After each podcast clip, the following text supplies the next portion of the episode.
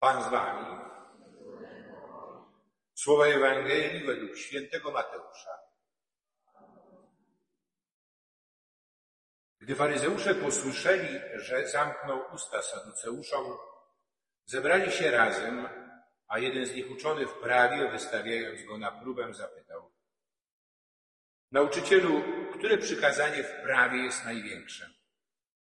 On mu odpowiedział, będziesz miłował Pana Boga swego całym swoim sercem, całą swoją duszą i całym swoim umysłem. To jest największe i pierwsze przykazanie. Drugie podobne jest do niego. Będziesz miłował swego bliźniego jak siebie samego. Na tych dwóch przykazaniach zawisło całe prawo i prorocy. Oto słowo Pańskie.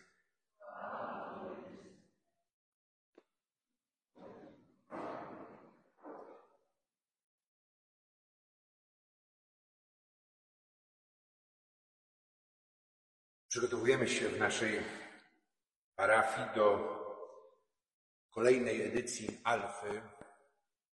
Myślę, że wielu z nas wie, co to jest, bo dzięki Alfie udało się nam też i ożywić naszą wspólnotę. Pierwszą Alfę prowadziliśmy 9 lat temu, potem czas COVID-u, czas przerwy. Ja przygotowując się do y, tego, co ma nastąpić, pierwsze spotkanie tej nowej edycji Alfa już niebawem, bo w środę 8 listopada, już teraz Was zapraszam, Waszych przyjaciół, bliskich, może w sposób szczególny tych, którzy są gdzieś od kościoła oddaleni, bo to niezwykle, mm, ja bym powiedział, ważne. Z jednej strony oczywiście narzędzie ewangelizacyjne, ale pewna przestrzeń, gdzie można e, zmierzyć się i podzielić się w całkowitej wolności e, kluczowymi dla człowieka e, pytaniami. I schemat Alfy jest taki, że jest najpierw wspólny posiłek, który łączy ludzi, potem jest wykład, a potem dyskusja w małych grupach. My przy tej edycji Alfy chcemy skorzystać z tego, co zostało przygotowane przez E, zespół, który troszczy się o alfę, a ona odbywa się, w, jeśli dobrze pamiętam, to w 169 krajach świata i 20 milionów ludzi wzięło w niej udział, ale została przygotowana teraz zamiast wykładów tymi samymi treściami seria filmów. I oglądałem pierwszy e, odcinek tego, tej serii, który zresztą jest w wolnym dostępie i jak ktoś chce, to może go w internecie zobaczyć. I tam jest taki moment, kiedy z jednej strony jest przywołane, przywołane słowa Frediego Mercuriego, twórcy i lidera zespołu Queen, no to dla ludzi w moim wieku to postać niezwykle znana, który w wywiadzie udzielonym bardzo krótko przed śmiercią właśnie mówił o ogromnym yy, osamotnieniu, jakiego doświadczał. Powiedział, że właśnie, że on w życiu, możemy powiedzieć, że osiągnął wszystko, bo osiągnął sukces, z tym się wiązała e, sława, z tym się wiązały wielkie pieniądze, ale e, zabrakło mu e, czegoś kluczowego dla tego, żeby był szczęśliwy. Sukces, mówi, tego go pozbawił, czyli trwałego związku opartego na miłości. Kiedy słuchamy dzisiejszej liturgii słowa, to tak jakbyśmy stawali też wobec tego samego pytania, które tam na tym filmie E, stawiane jest wielu osobom, które się zastanawiają, a mianowicie w czym dla Ciebie jest źródło szczęścia.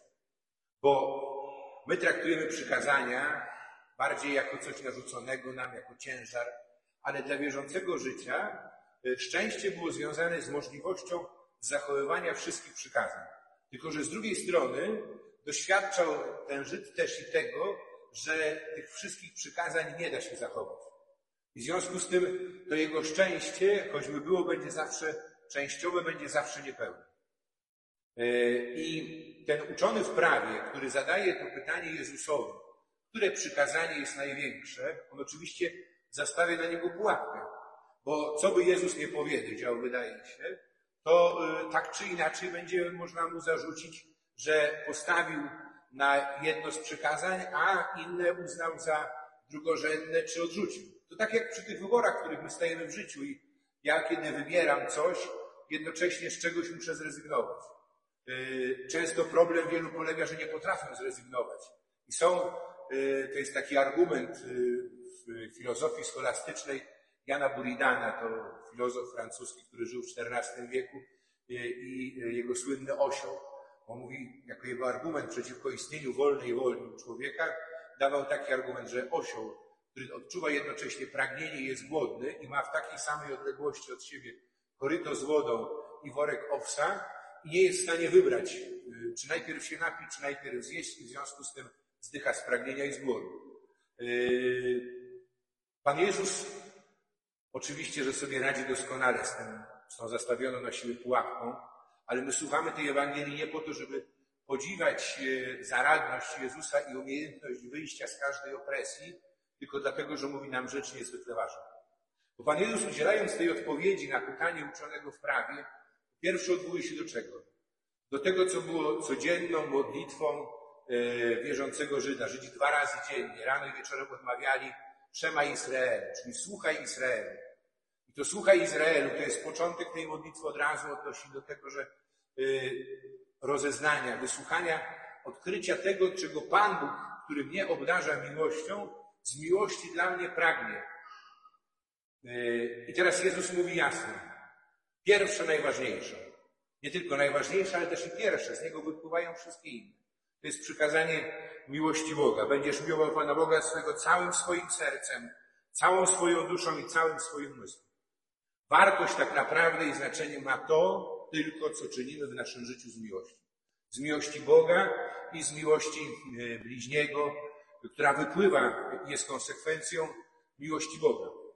E, kochać Boga, kochać Boga z całego, całym sobą. To nie jest miłość, która wyklucza, ale ona e, jest miłością bez miary, jest e, miłością całym sobą i e, całym swoim sercem. Serce to jest to, co jest centrum naszej osobowości dla Żyda i w nim się łączy i to, co płynie z umysłu, myślenie i to, co związane jest z duszą, czyli nasza uczuciowość, czyli pragnienia i jednocześnie myślenie. My normalnie doświadczamy rozdarcia wewnętrznego. Bo niejednokrotnie my wiemy, y, co jest dobre, co powinniśmy uczynić, ale jednocześnie y, pragniemy czegoś innego. I doświadczamy rozdarcia i bardzo często ulegamy. Miłość Boga to jest miłość, która nas jakby integruje, czyni nas jednością. My doświadczamy tej jedności. Tej jedności, która sprawia, że y, to, co myślę, to, co w moim umyśle i to, co w moim sercu i moje uczucia, one są ze sobą zgodne. Nie doświadczam tego rozdarcia, tylko całym sobą pragnę pełnić e, wolę Boga, który jest miłością. A bierze się to stąd, że miłość Boga, ona mnie uwalnia od czego? Od zamknięcia w samym sobie. Ona sprawia też, e, że e, uznaję, że ja nie jestem fundamentem życia, mojego życia, że to życie zostało mi darowane przez Boga z miłości do miłości. Ja Panu Bogu to życie oddaję, jakie należące do Niego.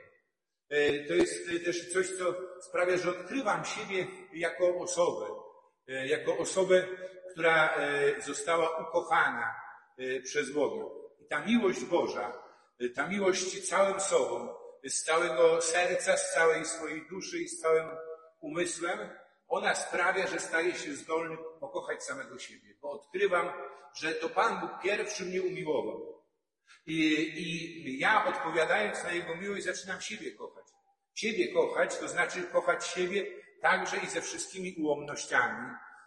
Kochać całą moją historię, która jest historią także moich upadków, niewierności, doświadczania słabości.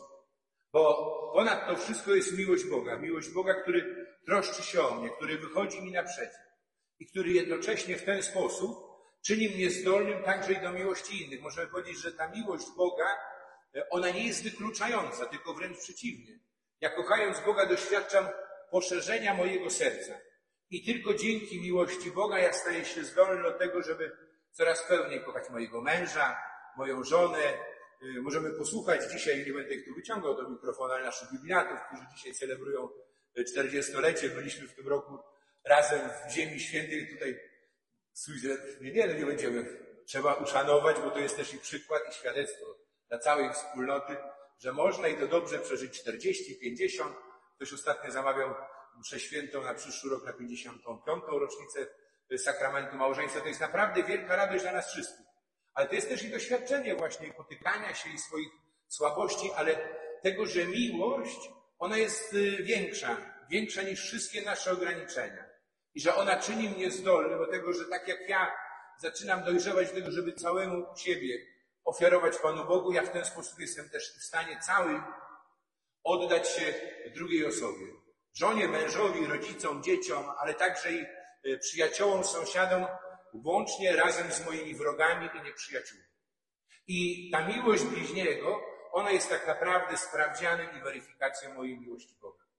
Jeśli ja nie kocham bliźniego, jeśli e, nie walczę z podziałami, jakie są wśród nas, e, jeśli przechodzę do porządku dziennego nad e, różnymi formami no, podziału, niechęci, które są także i przecież i dzielą nasze rodziny, to tej miłości Boga mi cały czas brakuje. Miłość Boga czyni mnie zdolnym do przebaczenia, pojednania, do budowania jedności.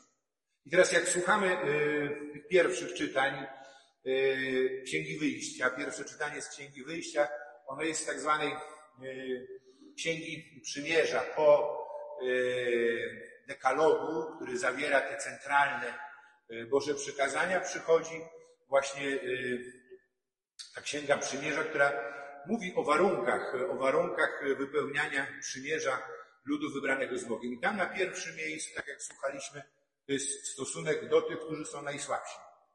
Do obcokrajowca, do sieroty, do wdowy, do człowieka e, biednego. I teraz za tymi, którzy są słabi, ich orędownikiem jest sam Bóg.